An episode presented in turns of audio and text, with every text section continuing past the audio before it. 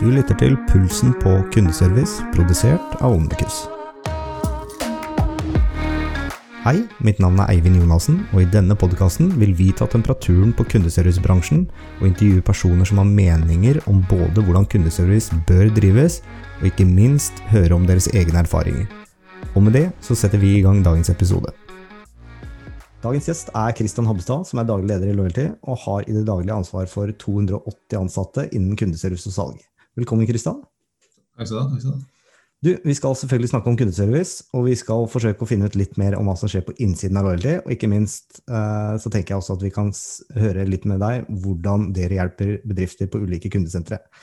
Men aller først, Kristian, hvem er Loyalty? Loyalty er et uh, selskap som har eksistert siden uh, 2011 eh, i det brandet som man ser i dag, altså Loyalty, men selskapet har røtter langt tilbake. det er nesten sånn når vi er i møte med mennesker som har jobbet i bransjen en stund, så er det veldig ofte at de sier at nei, men jeg har jobba i det selskapet. Når det het Talk to me, eller når det het Bring. Eller liksom, så det er, det er, et selskap som har veldig dype røtter i, i denne bransjen. Og jeg tror eh, det navnet, kvaliteten rundt selskapet var vedvart siden oppstart. Det har vært eh, superdyktige mennesker i, i vår før vi tok over, som har drevet dette selskapet. Eh, og så er det jo oss da som er minst like flinke som våre forgjengere. Så, så selskapet eh, leverer jo Opprinnelig så leverte de jo salg. Eh, og vi er nok best kjent for det. Og det er, litt sånn, det er nesten litt synd også. Jeg hadde et møte i dag, faktisk, tidligere i dag, eh, hvor vedkommende jeg pratet med ja, jeg har aldri liksom tenkt på dere som et kundeservice. Liksom, når jeg tenker på loyalty, så tenker jeg alltid på salg. Uh, og det er litt synd, fordi at man blir segmentert og puttet i den boksen der. Uh, som at det er det eneste vi gjør. Uh, men ja, vi leverer salg. Vi er veldig gode på salg. og vi leverer veldig mye salg i kundeserviceprosjektene hvor det er mulig å selge også. Det er klart Vi er alltid på jakt etter å maksimere, maksimere salget. Eh, men vi gjør jo ikke det på de prosjektene hvor det ikke er mulig å selge. Og vi har mange av de også, som er helt rene kundeserviceoppdrag, hvor salg ikke er en del av det. Eh, så, så vi er jo et selskap i dag som, som eh, sitter med massiv kompetanse på, på, salg, men vi er også svært dyktige på kundeservice. Vi har hatt kundeserviceoppdrag så lenge loyalty har eksistert. Eh, vi har bare hatt mer salg, og så i senere årene så har det blitt men nå er det 50-50. Nå har vi, vi har like mye kundeservice som vi har salg i dag. Ja. Det, det, er et fint eh, selskap. Men det Du har gått fra salg til kundeservice. Altså Kundeservice er jo eh, kanskje noen ting som blir uglesett av noen, andre ser på det som en stor utgiftspost. Hvorfor var det liksom viktig for dere å gå fra salg og si at nei, vi skal også håndtere kundeservice? fordi det det er ting som vi skal gjøre en endring på, eller det er det vi ønsker å bli gode på? Ja, nei, altså vi, som jeg sa egentlig, Vi har jo gjort kundeservice hele veien, så vi har jo alltid på en måte jobbet med kundeservice. så Det har ikke vært sånn at vi mm, startet med det plutselig. Så det, men vi, Grunnen til at vi startet et eget selskap og fått det ut, var jo nettopp fordi at vi ønsket å jobbe litt med den problemstillingen som, som var med at man tenker på Lartiv kun som et, et selgerselskap. Eh, så eh, Det var på en måte liksom hovedgrunnen til det. Eh, og så handler det litt om det å spesialisere, den spesialiseringen få et fagmiljø som er dedikert ned i ett selskap med en egen ledelse, som kun jobber med det som har med kundeservice å gjøre.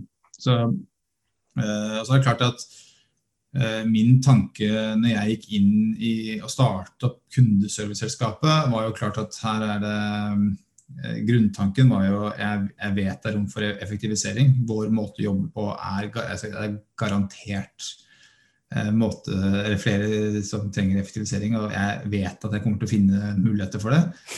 Eh, så, og det har vi ikke bommet på enda, så det er klart vi, vi er veldig flinke til å jobbe med effektivisering på prosjektene våre. Og så, og så var det alt vært veldig viktig for meg at i de Eh, kundeserviceoppdragene hvor det er mulig å øke omsetning, så skal vi finne all den omsetningen som er mulig å finne. Da. Vi skal maksimere det potensialet. Eh, og det skal aldri kunne ta oss på at det går på bekostning av kundeopplevelse. Det skal ikke være sånn at kundene slites ut fordi at vi har kommet på jobb og skal selge til alle kundene. Det er ikke det det handler om. Så, og dette går helt fint an å gjøre. Altså, vi har økt kundetilfredshet, vi har økt effektivitet og vi har økt omsetning. Så liksom, man ender opp med det regnestykket blir det jeg å si sånn, Du får i pose, pose og sekk. Så liksom, du, du, har en pose i hver arm og en sekk på ryggen. Så det, og det er uh, ja, ofte så, Det er det som er så vanskelig òg. Fordi når man har jobbet med kundeservice kanskje internt i mange år, da, så er man bedre enn 2016 var bedre enn 2015, og, og 2017 bedre enn 16, og 18 bedre enn 17 og osv. Så, så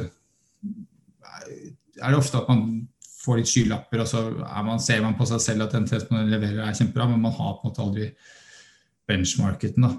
Så kjører du i ring på samme racerbane mot deg selv liksom i, i, seks år, så, så blir Til slutt tenker du at det går ikke an å kjøre raskere på denne banen. Og så putter du på liksom verdens beste racerbilsjåfør, og så kutter han ti sekunder av den tiden. Så du blir liksom stående der og bare Det er jo ikke mulig. Jeg, her har jeg kjørt i seks år, og liksom, nå er det her så maksimert som det er mulig. Ja, så det er litt den derre Komme seg litt ut og så, og, av den boblen og se om det kan hende at det er noen andre som, som kan levere bedre. Den tanken hadde vi den, den tanken hadde vi ledet vi når vi startet Loyalty òg. At vi, vi, ønsker å starte et selskap som som virkelig kan overbevise med at vi kan levere kvalitet. Altså vi er en kvalitet, skal, det, er det viktigste for oss er liksom kvalitet. Vi skal ha kvalitetsleveranse. Altså når, når, kommer oppdragsgiver til oss og leverer på en måte sine kunder i vår, vårt fang, så skal de sove godt om natten. da. Vi, og vi skal sove, ikke minst vi skal sove godt om natten. sånn Når vi går hjem fra arbeid, så skal vi tenke at her, vi har gjort en god jobb. og, og, og, og det Sånn må det være i alle ledd. Så, og, det, og, det, er ikke noe som kommer av seg selv, det heller. Så, liksom det, det å, den plassen vi ønsket å fylle, var på en måte liksom her, vi, skal, vi skal fylle kvalitetsleverandørplassen, sånn at de store kjøperne av, av telemarketing kan komme til oss, og så kan de puste ut og tenke Åh, fy faen deilig. Liksom, nå endelig et selskap som virkelig liksom, passer på alle aspekter av, av det å jobbe med dette. Og det er, det, er, det er mer komplekst enn å bare sette opp et par telefoner og en datamaskin og, og rekruttere folk. For det, det, er jo det som gjerne ødelegger bransjen litt. For det, det, i seg selv er ikke så vanskelig å gjøre. Eh, mens det å levere den tjenesten med god kvalitet over tid er mye vanskeligere. Ja, det, det, det, kommer egentlig litt over til neste, neste topic her. og det er jo litt sånn når jeg er ute og prater med de potensielle kundene våre, så er jo ofte, når det kommer liksom til temaet til, til liksom å håndtere liksom responstider, skape gode kundeopplevelser osv., så, videre, så er det så kommer ofte til da, dette temaet med har dere liksom vurdert outsourcing av tjenester. Og Det jeg ofte da hører, er at liksom, det er ingen eksterne som vil kunne klare å svare på spørsmål i vår bransje bedre enn det vi selv klarer. fordi vi har så lang erfaring, og derfor så ønsker vi å eie kundeservicetjenesten selv. Og det, det, liksom tar et eksempel på det, så er det liksom Selskap har kanskje 200 000 produkter i sin portefølje som de skal svare på, eh, sine kompetanseområder med sine agenter. Hvordan, eh, hvordan løser dere det? Liksom, du har hatt folk på kundesenteret som kanskje kommer fra butikk da, og blir rekruttert inn på kundesenteret fordi de har såpass dyp kompetanse på de produktene. Hvordan, hvordan håndterer dere den kompetansen der, som, som liksom kommer i, fra rota i selskapet? Nei, altså, det er klart det er en, det er en super uh, det, er, det, er, en veldig vanlig problemstilling. Så jeg støtter deg jo det at eh, kanskje det vi får høre oftest, er jo det. At ingen andre kan gjøre vår kundeservice bedre enn det vi klarer å gjøre. Så, og jeg har jo ikke opplevd enda det har vært tilfellet. Uh, og det er klart at uh, det kan man jo velge å stole på eller ikke, men sånn er det nå for en gang. Uh, og så handler det jo ikke om at vi skal på en måte, Det er ikke som å skru på en bryter til høyre og så liksom internt loyalty, og så er det gjort på en dag. Det er jo ikke, det er ikke sånn det er. Man må investere i et sånt samarbeid.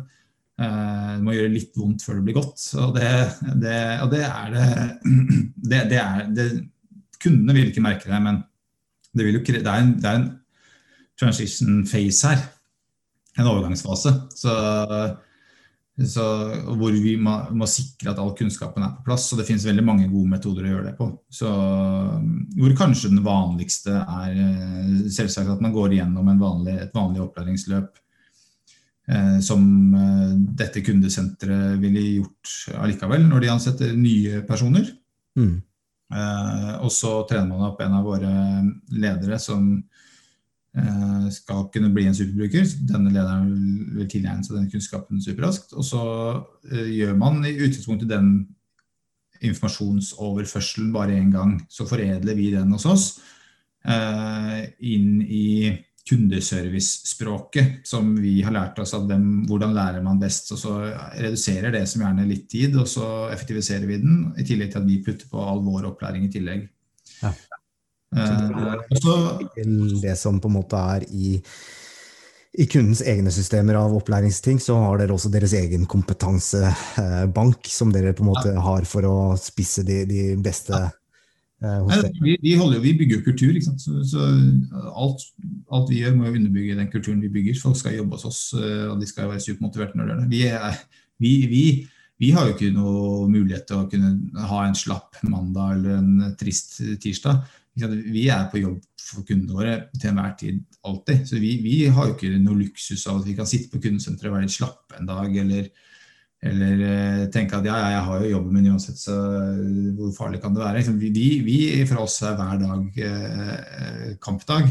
Vi, noe, er, vi må sørge for å ha toppmotiverte ansatte 365 dager i året. Altså Hver dag er en kampdag, og, og vi er på jobb for å sørge for at det er sånn det er også. Så det er ikke tilfeldig at en leverandør som oss leverer kanonbra kundeservice. Vi, vi sørger for at vi gjør det vi lar jo ikke bare ting gå eller flyte. Eller liksom, for oss så er alt på en måte, det, er liksom, det er gjennomtenkt og gjennomført til fingerspissene. Altså liksom, vi jobber jo på vegne av en oppdragsgiver sine kunder igjen. Altså vi forvalter kanskje det viktigste de har.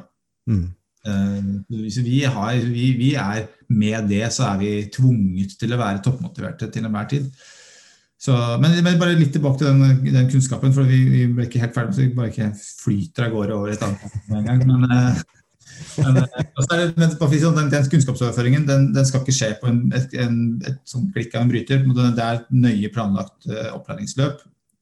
og vi kan lære alt deres mennesker kan lære. Vi ansetter jo på en måte mennesker, vi òg, med kjøtt og blod og en hjerne. Det liksom, det, og det er jo det de sitter med på sitt kundesenter også. Så det er klart all kunnskap som sitter hos noen mennesker, kan overføres til andre. Altså, eh, det, det, er, det er definitivt mulig å gjennomføre. Og så, og betyr ikke det at vi nødvendigvis skal overføre alt. Eh, Det kan jo hende at noen, noen områder skal være igjen hos kunden, og det er ikke så uvanlig at det skjer. At man på en måte enes om et uh, visst grunnlag som man kan ta, så kan man spe på med det etter hvert som samarbeidet uh, knyttes nærmere og man ser på en måte at kunnskapen øker, så flytter man mer og flere, flere tjenester over på, på outsourcingspartneren fordi man ser at effektiviteten Som regel så er det at regnestykket sier at det er det du skal gjøre. Du ser liksom, det, er, det vil være helt høl i huet for oss å fortsette å gjøre det her hos oss. fordi hvis vi putter det over til dem, så, så kutter vi kosten med 30% og vi øker salget med 20% og vi øker kundetilfredsheten med så og så mye. Det, er liksom, det blir en no-brainer. på en måte. Liksom, tallene bare bestemmer at det er det du skal gjøre, så, og så gjør man det. på en måte. Mm. Så, øhm, ja, og nye prosjekter backes som regel opp med hospitering. Det vil si at øh, en superbruker eller to eller tre av det teamet som har hatt denne type tjenester, sitter og jobber hos oss, er i våre lokaler og, og på en måte så lang tid som de trenger. Altså, det tar en måned, to, tre, et halvt år, et år. Det, man er der og backer opp og sørger for at den tjenesten leveres som den skal til hver tid. Og det fungerer liksom superbra. Og, spesielt bra hvis man skal knytte til seg en leverandør til å ta noe av trafikken, så er det veldig bra å gjøre det. for at man de aller fleste som sitter på et kundesenter i dag, eh, har jo lyst til å gjøre litt andre ting også. Så det er klart at hvis du har fem superbrukere som du er veldig glad i på ditt kundesenter, og så går du og forteller dem at jeg har en jævlig kul oppgave til deg, du skal få lov til å, å være med å bygge opp et ny partner hos oss. Eh, du skal få lov til å jobbe noen måneder der ute og liksom hjelpe de med å, å levere så hadde du sett på det som en superkul oppgave. og det, liksom, Da bygger du kultur internt hos deg. Du får veldig motiverte egne ansatte. og Så kan man rullere det blant flere ansatte, så flere får muligheten til å gjøre det. og Så bygger de sin egen kompetanse og syns at alt er mer gøy. og Så blir det egentlig veldig bra. Ja. Så, Dere, dere vinner jo priser for kundene deres også. Beste Ja. test og Årets kundesenter. Og, og det, det går jo, vil jeg i hvert fall anta, mye på kultur. Fordi det er jo en av de tingene som jeg tenker på, er liksom hva, hva er liksom den magiske sausen som, som, loyalty gjør, som kanskje noen av de andre kundesentrene sliter med? Da, du, du, nevner dette her med f.eks. i de tilfellene hvor dere kommer inn, det, superbrukerne i eksisterende kundesentre får nye arbeidsoppgaver. Eh, det her med karrierestige blant annet, på kundesenteret, den er jo nesten ikke-eksisterende. Det er enten så liksom du kommer inn, gjør en jobb, og så når du er lei, så går du ut. Eh, for å liksom ha en, en konsistent leveranse i forhold til å være best i test eller årets kundesenter, hva, hva er det som skiller loyalty der fra de andre? Uh, nå vet ikke jeg nødvendigvis hva alle andre holder på med, men uh, jeg vet godt hva vi gjør. Og så har jeg jobbet i veldig mange kundesentre opp gjennom uh, min karriere også. Så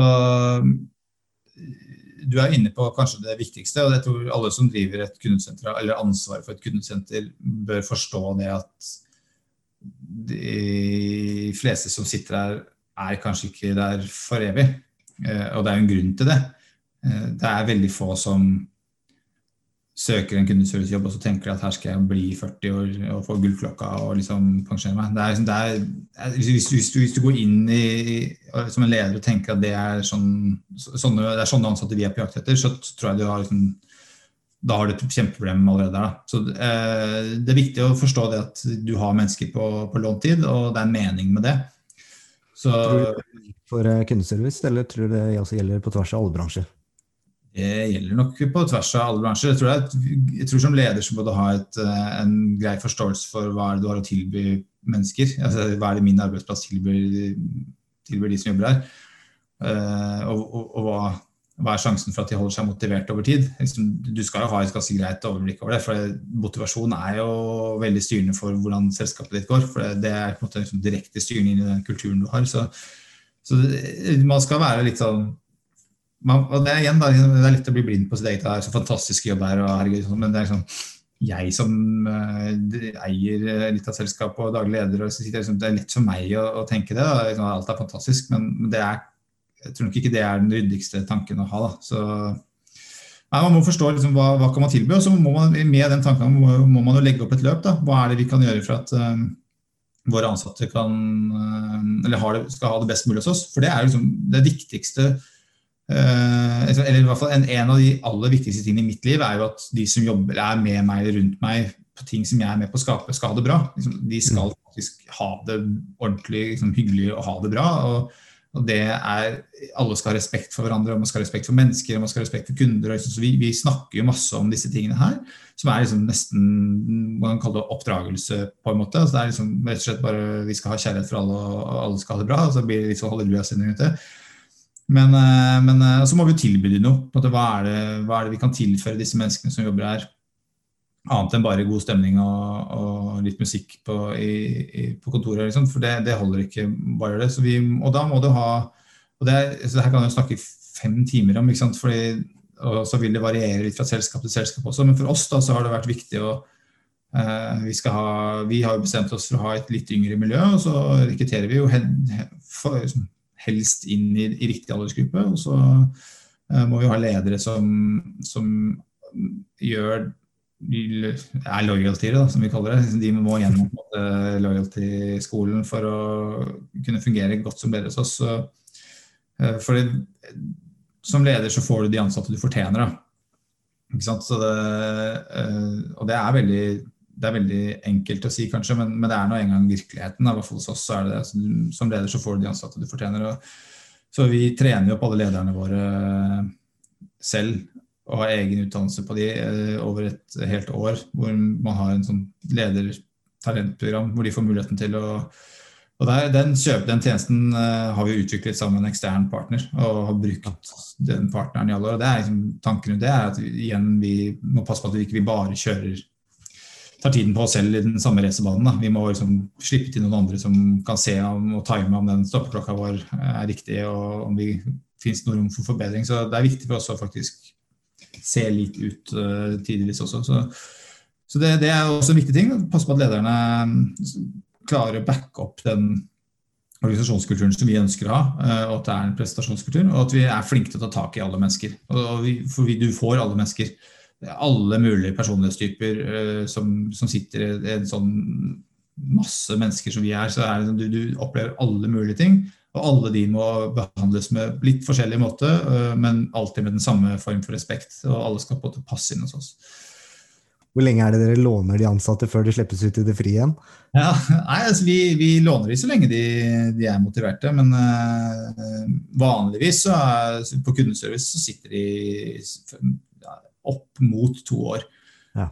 Uh, og det tror jeg er en riktig, en riktig turnover for oss. da, så Vi kan kalle det mm. en styrt turnover òg. Vi, vi, ønsker at de skal slutte sånn cirka på topp. At når du begynner å merke at de sånn, nå begynner å dale litt ned, så ønsker vi jo på en måte helst at de skjønner at nå er det kanskje på tide å, å, å søke nye utfordringer. Mm. Eh, hvis ikke de finner de utfordringene hos oss, så, så, så finner de så kan, er det jo kanskje smart at de går ut og, og leter etter. Vi er jo veldig flinke til å løfte mennesker opp internt også. Som, sagt, som jeg sa, vi rekrutterer alle lederposisjoner hos oss i vårt selskap rekrutteres jo internt. Så ja.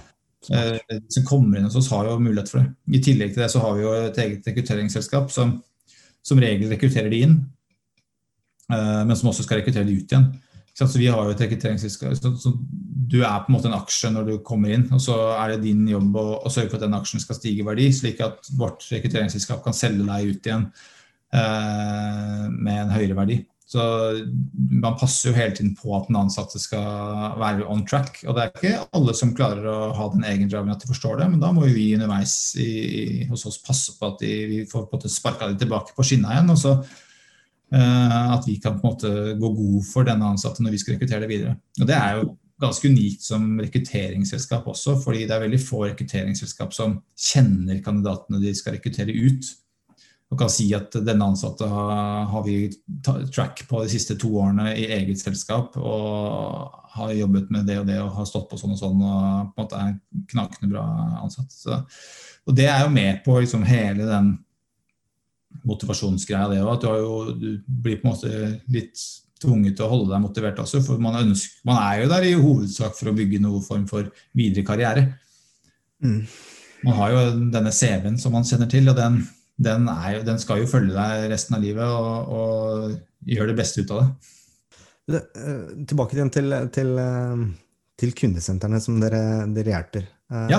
Hva er liksom den største utfordringen som du ser at de ulike kundesentrene har i dag? Hva, hva, er det som gjør at de tar kontakt med dere, eller hvorfor bør de ta kontakt med dere? Hva, hva er liksom den brodden som dere stikker ut, eller drar ut? Ja, det, er ingen, det er veldig få kundesentre som, eh, som, ringer oss fordi at alt går bra. Det er ikke sånn at de sitter liksom, og tenker ja, nå, nå er vi enda bedre enn vi var i fjor og enda bedre enn året før der. Nei, nå ringer vi en outsourcingselskap og så hører vi litt hva de har å snakke med. Sånn. Det er jo aldri sånn det er. det er jo fordi det renner over. Det er jo stort sett det som er, eh, er grunnen til at man, man, tar kontakt med oss, eller at vi treffer en kunde i et og, og, stille, og på en måte liksom trykke litt på de byllene da, som vi vet er der. Liksom, hvordan er det med trafikken da? Får man tatt alle henvendelsene? Eller eh, hvordan er det med sykefraværet? Hvordan er det med, med trafikkvariasjonene? Hvordan håndterer man det? Altså, liksom, det finnes mange utfordringer som, som, de aller fleste kundesentrene har utfordringer med. Ja. Eh, så, så, jeg vil jo si at liksom, det, er, det, er, jo de standardtingene. Altså, rett og slett at det bare renner over i i en eller flere kanaler. Uh, og så, så har man bare utfordringer med å få til det, Uh, og gjerne styrt av kostnader. Så man har utfordringer med å, med å bemanne opp, for det koster rett og slett for mye penger å, å, å gjøre det. Og så går det budsjettet rett og slett fra, fra ledelsen? Nei, ja, det, vi må jo forholde oss til det. Så, så, men det er jo, det er jo synd. I den perfekte verden så, så, hadde man jo kunnet tatt telefonen når den ringte. Ja. De fleste kunder ønsker jo det også. Forbrukeren i dag er jo Har du kjøpt en sofa, og den sofaen ramler sammen, og du ringer inn, så er du ikke keen på å sitte der og vente i, i tre uker på å få svar. og da har du purra to ganger og ikke hørt noe. Det, det, er ikke den optimale servicen du forventer. Og den, den uh, slipsknuta har jo strammet seg til ytterligere de seneste årene også. Forbrukerne krever faktisk mer og mer og mer. Ja. Så, og, og, med det kravet om å, om å, ha bedre service, så øker også kostnadene. Altså må, hva, hva, er medisinen for, for, å få bedre kundeservice? Jo, det er å putte på flere ressurser. Det er, det, er, på en måte med, Enten må du effektivisere den driften du har, eh, og jobbe med å få ned henvendelsene. Det gjør vi jo i stor stil for våre kunder også. Liksom, vi jobber veldig mye med å, å, sørge for at trafikk aldri skal returnere. Altså, hva er det vi kan gjøre for å, å, sørge for at den trafikken ikke kommer tilbake igjen? Hvorfor ringer denne kunden din? Loggføre denne informasjonen, finne ut av, liksom, analysere den. Er, kan dette gjøres på min side? Kan dette gjøres på en FAQ? Kan dette liksom, mm hvis vi endrer litt på fakturaen, så, så, slipper de å ringe for å stille dette spørsmålet. her. Liksom, jeg skjønner jo at de lurer på dette. her, fordi, så alle mulige liksom, ting og tang som, som kunder kan ringe inn for. Så, liksom, det å loggføre og finne ut av det og jobbe med den type tilbakemeldinger, slik at det er ikke noen grunn til at du skal ringe inn til oss for dette her, for, men vi skjønner at du gjorde det. på en måte. Ja, og det er, er litt interessant også, fordi det, det, det bringer oss egentlig litt over til KPI-er. Eh, og flere av de jeg ofte prater med, sier jo det at de, de setter kanskje sine egne kopier på kundesenteret, fordi de, de, selv på en måte har kanskje ikke et overordna krav fra ledelsen. altså Det er ikke tatt med opp på styrerommet på hvilke kopier kundesenteret skal, skal, ha, fordi det skal bare eksistere fordi det, vi må ha det. Ja, det jo fordi... tenker du i forhold til kanskje de topp fem eh, kopiene man har, eller må ha på kundesenteret for å skape de gode kundeopplevelsene? Uh, altså, da, da, er det jo bare altså, da, sånn, det, det, blir så enkelt spørsmål. At, eh, for bare, da kan du bare gå for liksom, de faste. Gå på liksom, COPC-standarden, og så bare går du for liksom, de faste kopiene. For det må alle kundesenteret ha. Så, Nei, litt, litt, det var litt kjedelig spørsmål, rett og slett. Eh, så det er, jeg kjenner heller, vil heller snakke om den første problemstillingen som du nevnte, at det er ikke forankret i ledergruppen. Sånn, og det er en grunn til det. da. Det syns jeg er mer artig å, å, snakke om. fordi de fleste som hører på her, jeg, de kan google seg frem til hva er det viktigste KPI-en i et kundesenter. så det, For det, det er liksom samtaletid og disse har, har, det noen betydning? Samtaletid? Samtaletid det har jo kjempebetydning. Tenk deg i en, en større bedrift da, hvor du har eh, hundrevis av tusen samtaler inn. Kutter du to sekunder så på, en, på hver samtale, så har du kanskje kutta tre hele stillinger det sier seg jo selv at det har en betydning. Hvis vi, hvis vi skal spille, spinne litt videre på den, fordi Hvis vi tar et sånt som Zappos De strekker seg vanvittig langt for å ha, skape de beste kundeopplevelsene. Det vil da si at det de måler på, er jo da Uh, hvor mye samtaletid, da på tvers av alle kanaler selvfølgelig, de, de, dekker også chat som en samtaletid, men hvor mye effektivitet er det jeg har i løpet av dagen. Og Basert på det så vet jeg at de skaper gode kundeopplevelser, som igjen gjør at kundene kommer tilbake. Så de har jo da en, en maksparameter på liksom det de har målt den lengste samtalen i så måte. Har det vart tolv timer eller et eller annet sånt, men det er helt hinsides. Og ja. da, da, handler det ikke om eh, samtaletid i forhold til effektivisering, men å skape rett og slett bedre kundeopplevelser. Ja, okay, og det, og det, det, er jeg helt enig i. Altså, så Samtaletid skal ikke bare presses nedover, den skal jo også presses oppover. Så, så, så det med, så, den har jo ikke noe Den skal ikke bare alltid for enhver pris presses ned til det absolutte minimum. Da, og, men da plukker de andre KPI-ene på en måte det opp. For da har det kvalitetsutfordringer.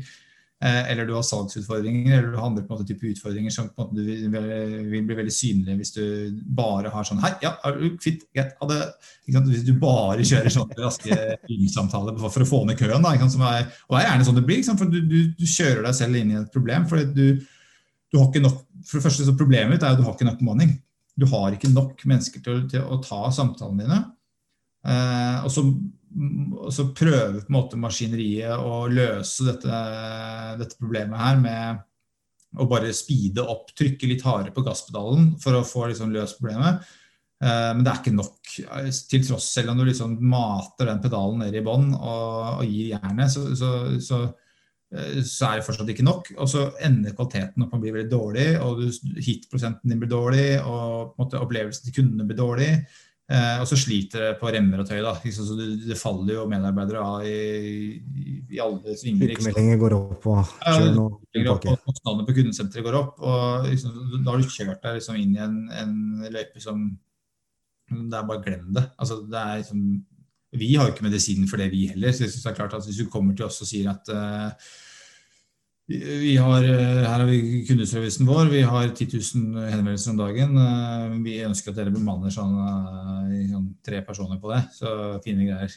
Så det er klart at da, da, noe, vi har ikke noe kloningsmaskin kan, eller roboter som vi kan putte på til å ta liksom, alle samtalene. Så du må ha forutsetningene for at det skal fungere. Så, øh, og når de, de forutsetningene er til stede, så blir det jo kvalitetskundeservice ut av det. Og jeg er jo helt enig med deg. I den perfekte verden så, så, så sitter vi og, og, klapper og koser med alle kundene. Men, men altså, de største selskapene som har tusenvis av samtaler inn, det, da er det ikke noe margin igjen i selskapet. Da. Hvis alle skal prate i tolv timer hver kunde, så da, da gjør jo ikke selskapet noe annet enn å gjøre det. Så da, da har du helt sinnssyke kostnader på kundesenteret. Og det går ikke. Så, og det må, vi, må man ha forståelse for. Men på den annen side så ønsker man jo på en måte å levere en viss form for kundeservice innenfor de budsjett... Eh, altså Man skulle ønske at budsjettet var tilpasset køen.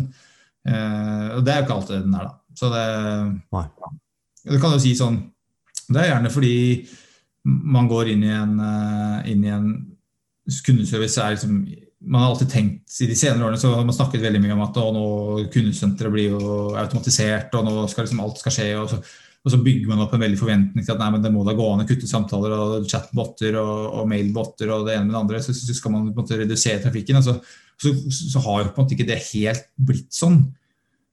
Så, alle de forutsetningene som man har lagt inn for at man skal redusere trafikk, det ble liksom aldri helt sånn. Så, så samtalene fortsetter å, å komme inn. Og, og det som er utfordringen, er jo at når du først havner i en sånn problem som vi snakket om med at du har for mye samtaler til bemanningen, så, så ringer de jo ikke bare. Ikke da er Den ene henvendelsen den ble plutselig en chat også, og så ble den en e-post, og så plutselig så var den på sosiale medier i tillegg. Så den ene henvendelsen ble plutselig fem. ikke sant? Altså, hva er det egentlig? Liksom, du mister jo helt styringa. Så det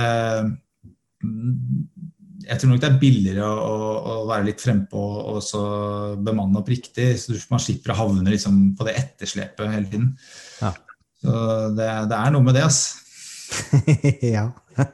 Men da i forhold til eh, da den forankringen eh, oppover i ledergruppa i forhold til eh, hvordan kundesenteret faktisk skal fremstå? Ja, ja for det er liksom, og det er det som er utfordringen, er at gjerne så driver jo selskapet med lyspærer. Da, det er Osram, vi jobber med lyspærer, og det er det vi driver med. Og vi har masse elektrikere. og sånn. Det er det de, og så har man jo bygget opp et kundesenter gjennom tidene som med mennesker som kanskje aldri har jobbet med det eller har fått ansvaret for det, altså dytte på mennesker ned der, så, så, blir hele den greia blir sånn lavspesialisert eh, avdeling i kjelleren eh, av dette selskapet. og så eh, Da blir det veldig vanskelig å, å, å gjøre det ordentlig. Så, og det er jo liksom, det er en fordel for vår del òg. Vi jobber jo bare med dette her. Så du kan si som Vi er jo på en måte kirurgene i, i, i kundeservicebransjen. Vi jobber jo utelukkende med å maksimere potensialet i kundeservice. Hva er det vi kan gjøre for at den kundeservicen skal bli mer effektiv? Eh, om mulig øke omsetning, eh, bli mer kvalitativ, få ned henvendelsene. Vi gjør jo bare det. Eh, vi har ikke noen ansatte som sitter i lunsjen hos oss og ser oppover i rekken og tenker mm, jeg skulle ønske at jeg var finansanalytiker eller topp lyspæreskruer. Eller liksom, det er liksom vi, vi, har jo ikke liksom disse kulturutfordringene. at Vi har en toppledelse som, som, kun jobber ned mot dette leddet, og har en kultur som er ned mot dette leddet, som, som sørger for at alle disse menneskene som jobber med dette, skal føle at det er det, er det viktigste vi gjør i selskapet, er kundeservice. Du kan, du, kan, du kan, ikke gå i en stor bank i dag og så går du og sier hva er det viktigste dere jobber med. Jeg tror ikke det er så veldig mange som kommer til å si at det er kundeservicen vår, eh, annet enn de som jobber med kundeservicen. Så det er liksom ikke det krever sin leder da, å jobbe med kundeservice, og det bør også forankres oppover. Hvis ikke så blir det fort eh, vanskelig å bygge kultur. Det er ikke noe hyggelig å høre på en toppleder som snakker til allgruppa. Og så, ja, og så er det kundeservicen. Takk til dere også. Det er veldig ofte sånn. Jeg tror du traff eh, spikeren ganske greit der, Kristian. Ja, det er sånn. Det er bare kostnadsposten, og det er bare problemer. Det er bare problemer med kundeservicen. Ja, det er klart det er problemer med kundeservicen. De har jo for mye å gjøre, som regel. Ja. Og det ser man også i korona nå. Det er jo en sånn artig greie det at uh, nå med korona og folk sitter hjemme, så bruker de tjenestene sine mer. Uh, det er jo én ting. En annen ting er at de, de bruker netthandel mer. Uh, og i netthandel så har du ikke på en måte butikkmedarbeideren der å stille spørsmål til når du lurer på ting, når du skal kjøpe den varen. Uh, og da går du på chatten uh, eller ringer eller et eller annet, så henvendelsene har jo økt med 30% så over hele fjøla. Det, liksom, det, renner jo over av henvendelser plutselig. Dette var det ingen som hadde planlagt for, så det, liksom, det, kan man jo forstå. Så det er nok en del kø på de fleste kundesentrene rundt om. Men det er klart at runde to, da, som vi sitter i nå, Uh, burde jo kanskje vært planlagt litt bedre. Tenke at det, Vi vet jo at det kommer runde to, så det kan jo hende at vi skal bemanne opp litt for dette. Vi, vi, ser jo at penga renner inn her. Uh, kanskje vi skal hjelpe kundene våre også. Så, ja, jeg tror nok også at uh, i forhold til spesielt e-handel, så, så, så, er det klart at salg har nok alltid vært der. Men det har liksom ikke de, Jeg tror ikke de toppledelsen egentlig har blitt oppmerksom på det i like stor grad sånn som det man har under covid-19. Så, så, sånn sett så kan det jo faktisk være litt oppløftende i tiden som kommer for spesielt e-handel, at de kanskje nå ser at nei, vi må faktisk, eller vi bør investere i kundesenteret fordi de klarer å selge såpass mye mer eh, over telefon eller via de personene som er der. Salg er jo én ting, det er viktig det å passe på salg. Det det er veldig sjelden man gjør det. De, de, som ofte så har de jo kjøpt noe, og så lurer de på noe i forbindelse med det. Uh, og så kommer de jo ikke tilbake igjen, for de fikk jo ikke svar på det de lurte på. Det liksom det, og da er det sånn, nei, her greier vi ikke handle på nytt igjen, jeg får jo ikke hjelp. Uh, så, det er kanskje mesteparten av henvendelsene er rett og slett bare fordi man har solgt noe, og så lurer man på hvor den er, eller man har noen utfordringer med selve kjøpet. Men det er klart man kan kjøpe, Selve kjøpshjelpen er viktig, den også, å være tilgjengelig for kundene. Uh, men som, si, en grei tommelfingerregel er jo et kjøp på nett krever 30% mer kundeservice enn et kjøp i butikk. Da. Så, så, hvis man skal hvis man hører på denne podkasten og, skal starte opp eh, nettbutikk så, og har en butikk fra før, så ja, kan kanskje da bør du skjønne det at uh, Kundeservice er viktig. Nei, det kommer til å øke. da. Trafikken kommer til å øke når du selger på nett. Mer, selger du mer på nett. Hvis strategien er å flytte mer av salget butikken over på nett, så, så kommer kundeservicen din til å få mer å gjøre. Jeg ønsker å gå over til eh, fem kjappe spørsmål. Eh, du bruker selvfølgelig så lang tid du bare ønsker på å besvare, men Lynkjappe. Tenk på Lydkjappe. Hva er den største positive overraskelsen du har sett på et kundesenter de siste månedene, og hvorfor? siste månedene, ja, Det er jo spesielt sett. Det har ikke vært så veldig lett å se kundesenteret i de siste månedene. Vi, er, vi har vært på hjemmekontor i, i, lang tid. Men jeg kan jo si som de alle andre fleste som har hatt hjemmekontor Eh, i denne koronaverden vi lever i, så, så, har man jo sett at det fungerer bra. Så det er på en måte det, det å, å se at våre flotte ansatte virkelig liksom tar på seg arbeidshanskene og er positive og har lyst til å på en måte levere eh, knallbra selv på hjemmekontor, det har vært varmt om hjertet. Eh, og så vet jeg at veldig mange andre ledere med meg i andre bransjer sier det samme. Så jeg tror nok nordmenn generelt skal være veldig stolte av at vi er nordmenn. Eh, hvor at vi, vi, er et pliktoppfyllende folk som gjør det vi får beskjed om, på en måte. Ikke når vi bør, men når vi må. Så hvis du bør ha den munnbind, så er det ingen som gjør det. Men når du sier at du må det, så går alle med det plutselig. Det er, og det er, og det er litt sånn når, når, nå må alle på hjemmekontor, og vi må levere, så, blir det, så er nordmenn litt sånn Da gjør vi det. Liksom. Blir litt sånn speideren og den greia der. og det, det så det, har overrasket, uh, overrasket, meg litt, og og det, ser jeg på som en sånn veldig positiv greie. For jeg tror vi blir litt mer mennesker av det hele. Jeg tror man får kjent litt på på det å ha, ha, et arbeid, og man får kjent litt på det å, å jobbe med, med, flotte mennesker og, og, og, savne de litt, og så glede seg litt til å komme tilbake og sette litt mer pris på det man har. Så, så jeg, det er jo veldig, en, veldig, det er en stor tragedie, hele pandemien. Så, men eh, skal man tenke noe positivt av det, så tror jeg vi blir bedre mennesker av det. Hvis kundesenteret hadde hatt én million ekstra på budsjettet, hvordan bør de investere det, og hvorfor? man må jo på en måte som, som, leder som har alltid sagt liksom, har man et problem, kast penger på det. det. Eh, det er ikke sånn vi gjør det hos oss. Vi ønsker ikke å kaste penger på folk. Vi ønsker å gjøre kvalitetsledelse og jobbe med mennesker. og få, De skal forstå verdien av godt arbeid fremfor alt. Så, men, eh, men, har man en million kroner, så, så, så, tror jeg eh, Får man ekstra penger på budsjettet, la oss si, ikke bare limitere til million, men har man ekstra penger på et budsjett, så er det jo alltid fint å, å, se på hva man kan gjøre for å øke trivselen på kunde, kundesenteret. Så eh, ikke nødvendigvis i lønn, for lønn eh, den, millionen blir fort brukt opp. Da. Så liksom, da sitter du der med misfornøyde ansatte som tjente mye en periode og så lite en annen periode. Og så har man plutselig en helt ny utfordring med det. Så, men jeg hadde brukt den til å øke trivselen. rett og slett. I hvert fall nå med på hjemmekontor så lenge som vi har nå, så hadde jeg ut og spise med de ansatte, gjøre artige ting, dra på reise med de når man får muligheten til det. Eh, og kjøpe morsomme ting til, til, arbeidsplassen. Hva har vært den største blemma innenfor kundeservice siste året, og hvorfor tror du det skjedde? Uh, nei, det, det, det, jeg skal gå tilbake til å si at uh, Den største blemma er at all, all, dyttingen av salget sitt over på, på nett, og, og, uten å passe på at man har kundeservice, uh, kundeservice på plass, det, det, tror jeg kanskje er den største blemma man har gått i i denne bransjen. Uh, og så må jeg si at vi er på vei inn i en ny blemme nå. Da. Uh, nå som vi er uh, i, i, starten av november og en, en koronabølge to som man har måte, stått og sett på den bølgen komme innover i så lang tid uten å planlegge for at trafikken kommer til å øke på kundesentrene igjen, den, ja, det, det er en, syns, syns å være en liten blemme, det òg. Hvordan holder du oppdatert på trender innenfor kundeservice? Du, jeg, jeg, er så jeg er, ikke, jeg er ikke den største tech-geeken som, uh, som, finnes. Jeg, jeg, jeg, er umåtelig interessert i at alt skal være bra, men jeg har en superbra CTO som er uh, ordentlig nerdete. Uh, og ikke som person, men han er sånn nerdete på dette faget. Så han er fantastisk flink til å, til å oppdatere seg selv på alt som rører på seg.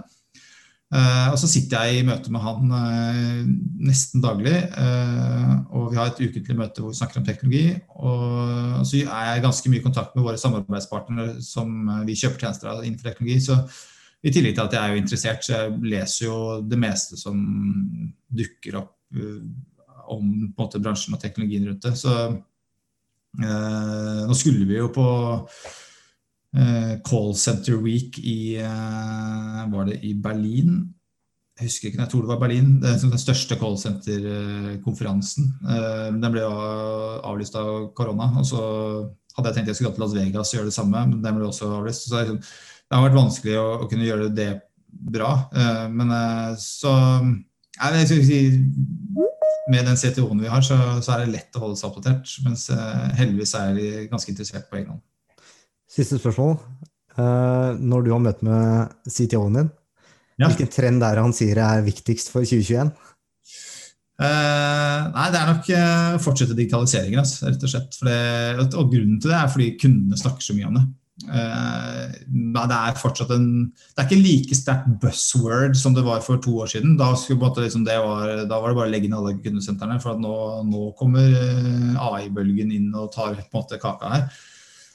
Men, eh, men, det er fortsatt viktig, for det er veldig mange som har en del effektivisering, effektiviseringsforbedringer da, ved, ved å, å, gjøre det.